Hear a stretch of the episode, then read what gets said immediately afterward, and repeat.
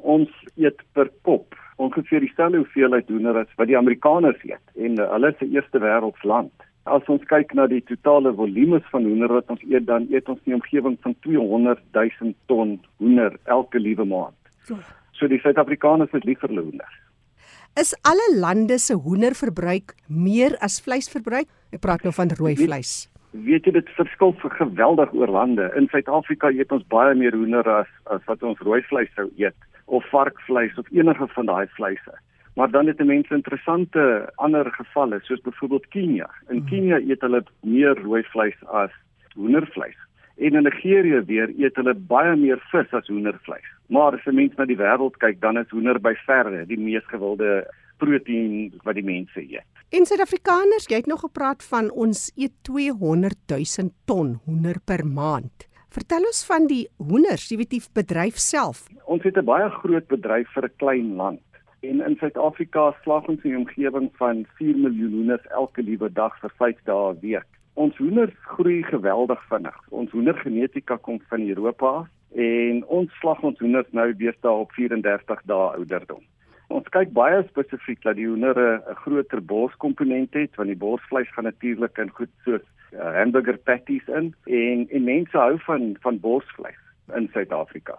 As 'n mens ook kyk na die verbruik van die verskillende pors dan gebruik ons as een van die min lande waar ons elke porsie op op die karkas van die hoender gebruik. Ons eet alles. Ons eet die pote, ons eet die lewer, ons eet die harte, ons eet die vleis. Wat verander het in die laaste uh, tyd is dat daar 'n geweldige voorliefde is vir vlekkies en mm. ons sien dit veral in die restaurantbedryf waar mense vlekkies bestel as 'n voorgereg of by restaurante soos KFC is die vlekkie verkope geweldig. En met die vraag na vlekkies kom daar natuurlik ander tendense. Ek weet byvoorbeeld baie keer word die eerste deel van die vlekkie afgesny en jy koop nie noodwendig die volle vee van die vlekkie nie. Dit word ook in twee gesny. Absoluut. Die kliënte sê vir ons wat hulle wil hê. 'n Mens kan 'n heel vlekkie kry en dit is hoe dit in die ou tyd eintlik maar gebeur het. Ja. Wat heidaglik gebeur is dat ons sny die vlekkie in twee en ons sny die punt van die vlekkie af en ons mm. noem dit en daar's net 'n Engelse woord vir dit 'n winglet. En hierdie winglets is wat so gewild is. Nou jy het nog gepraat van ons eet alles. Ek weet ook van mense wat daai bene kou tot klaar. Dit is absoluut so. Mense sal dit baie sien met produkte soos die produkte van KFC byvoorbeeld dat dat mense die bene sal kou. Die bene het het baie smaak en om die bene is daar bietjie vet. Dit gee ook smaak mm. aan die aan die vleis. En dit is hoekom ons sien dat die mense daai beentjie so so stikkend uh, kou en partykeer ook eet. Isak 'n interessante ding is, ek onthou hoenderpote was altyd net sekere mense daarvan gehou en dit was nog maar net soos dit is. Deesdae sien ek al hoe meer, dit is in slaghuise en dit is baie vryliker beskikbaar en dit word baie mooi aangebied.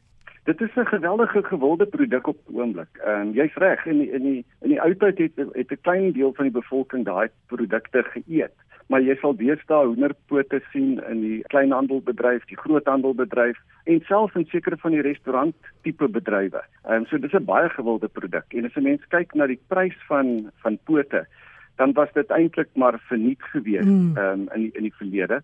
En daai pryse het geweldig opgegaan en al wat dit vir ons sê is die mense hou daarvan en hulle koop dit en hulle eet dit. Wat van kalkoen? Hier in Kerstyd, ek eet omtrent nooit kalkoen nie eens Kersfees nie.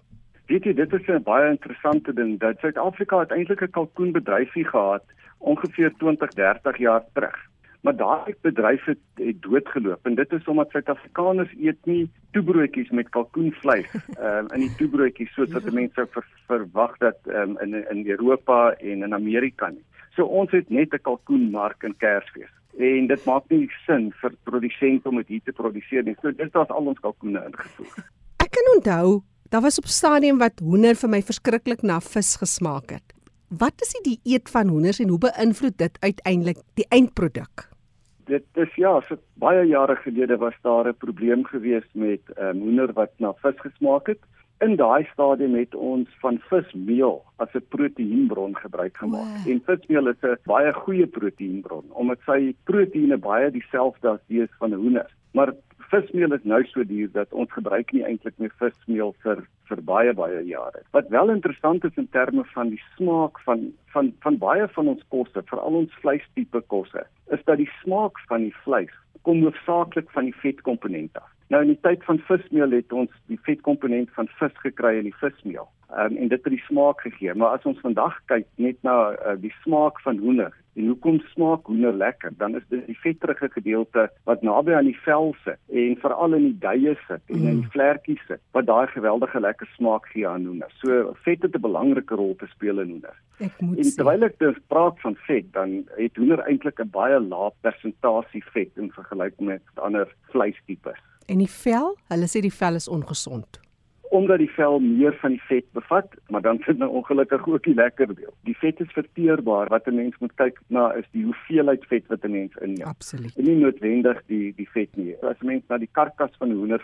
kyk en jy sal hom opmaal en kyk hoeveel vet is daar, het hy baie min vet. En dit is hoekom hoender so 'n gesonde proteïenproduk is. Jy het nou nog gepraat van die smaak. Hoekom smaak 'n hoender so anders wat jy in die winkel koop teenoor 'n hoender wat jou ouma op die plaas slag? Die grootste rede van dit alles is die ouderdom van hoenders. Ek het uh, so 'n bietjie in die Midde-Ooste gewerk en in die Midde-Ooste verkies mense, soos party van ons kunsgroepe in Suid-Afrika, um, 'n um, hoender wat langer gelewe het. So hoe, hoe ouer 'n hoender word, hoe taaier word die vleis en hoe meer vet sit hy aan. Baie mense verkies daai tipe hoender.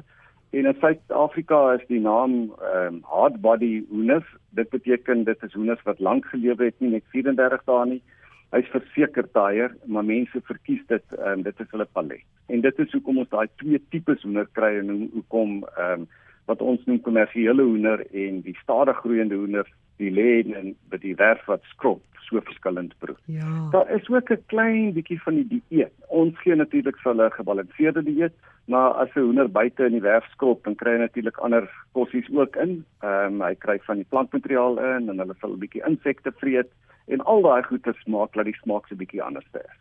Nou as die algemene bestuurder by die Suid-Afrikaanse Pluimvee Vereniging is ek seker jy kan vir ons 'n hele klomp stories vertel. Maar wat sonder jy uit? Weet jy ons het geweldige uh, lekker stories van van mense wat met absoluut niks begin het nie wat net een of twee hoenders gehad het in die werf wat die hoender se getalle so bietjie opgebou het en op die ou ende geëindig het as 'n kommersiële produsent. Maar daar's ook van hierdie mense wat in die um, kleinhandelbedryf of noem dit nou maar die restaurantbedryf is, waar hulle begin het om net waar hulle 'n uh, paar hoenders gaar gemaak het, dit was baie lekker, die mense het hulle begin ja. koop en toe op die ou ende toe brei dit uit om 'n om 'n besigheid te word. So ek wil graag uh, vertel van Willie Besolga. Willie is is is een van ons voorsitters op ons komitees op die oomblik en hy is 'n man wat eintlik gewerk het vir die departement van landbou. Daar was hy 'n uh, ekonom gewees. Hy het later begin met sy eie besigheid, 'n besigheidjie gekoop, klein besigheid. Hy het toe 'n mentorskap gekry by 'n groot maatskappy. Die maatskappy het gesê hulle soek al meer kommersiële lê eiers van hom af en so het hy uitgegroei tot 'n volwaardige ehm um, produsent soos ons hom vandag ken. Dit is een van ons lekker stories. Ja, in terme van die industrie en ons ekonomie, hoe lyk die hoenderbedryf? Wat is die porsie wat hy daar opneem? Dit is 'n baie groot bedryf. Dit is die die tweede grootste bedryf in die land na Milies. Milies is die grootste bedryf. En dit is by verre die grootste vleisbedryf En ons groei steeds. Die hoeveelheid hoender wat mense eet word net meer en meer. Die mense word natuurlik ook meer. Mense per per capita eet ook meer hoender. So dit is 'n geweldige groot bedryf. Ons het ongeveer 50 000 mense in diens en ons totale omset van die bedryf is in die omgewing van 50 miljard rand per jaar. Dit is 'n baie groot bedryf. En jy het nie afleggings gehad as gevolg van COVID nie? Glad nie. Ons is baie negatief beïnvloed deur deur COVID. Die mense het minder vleis geëet, uh, hoendervleis. Hulle het veral minder wegneem etes geëet, ook natuurlik die restaurante wat toe was. Dit het ons beïnvloed dit het nie gemaak dat ons nodig gehad het om om af te skaal in terme van ons produksie of ons mense nie. So dit is dit is 'n seën. Isak Bruitenberg wat met ons sy kennis deel interessant oor die hoenderbedryf in Suid-Afrika. Hy is die algemene bestuurder by die Suid-Afrikaanse Pluimvee Vereniging. Gee vir ons julle kontakbesonderhede. Um, ons uh, webbesonderhede is www.sapoultry.co.za. So dis net www.sapoultry.co.za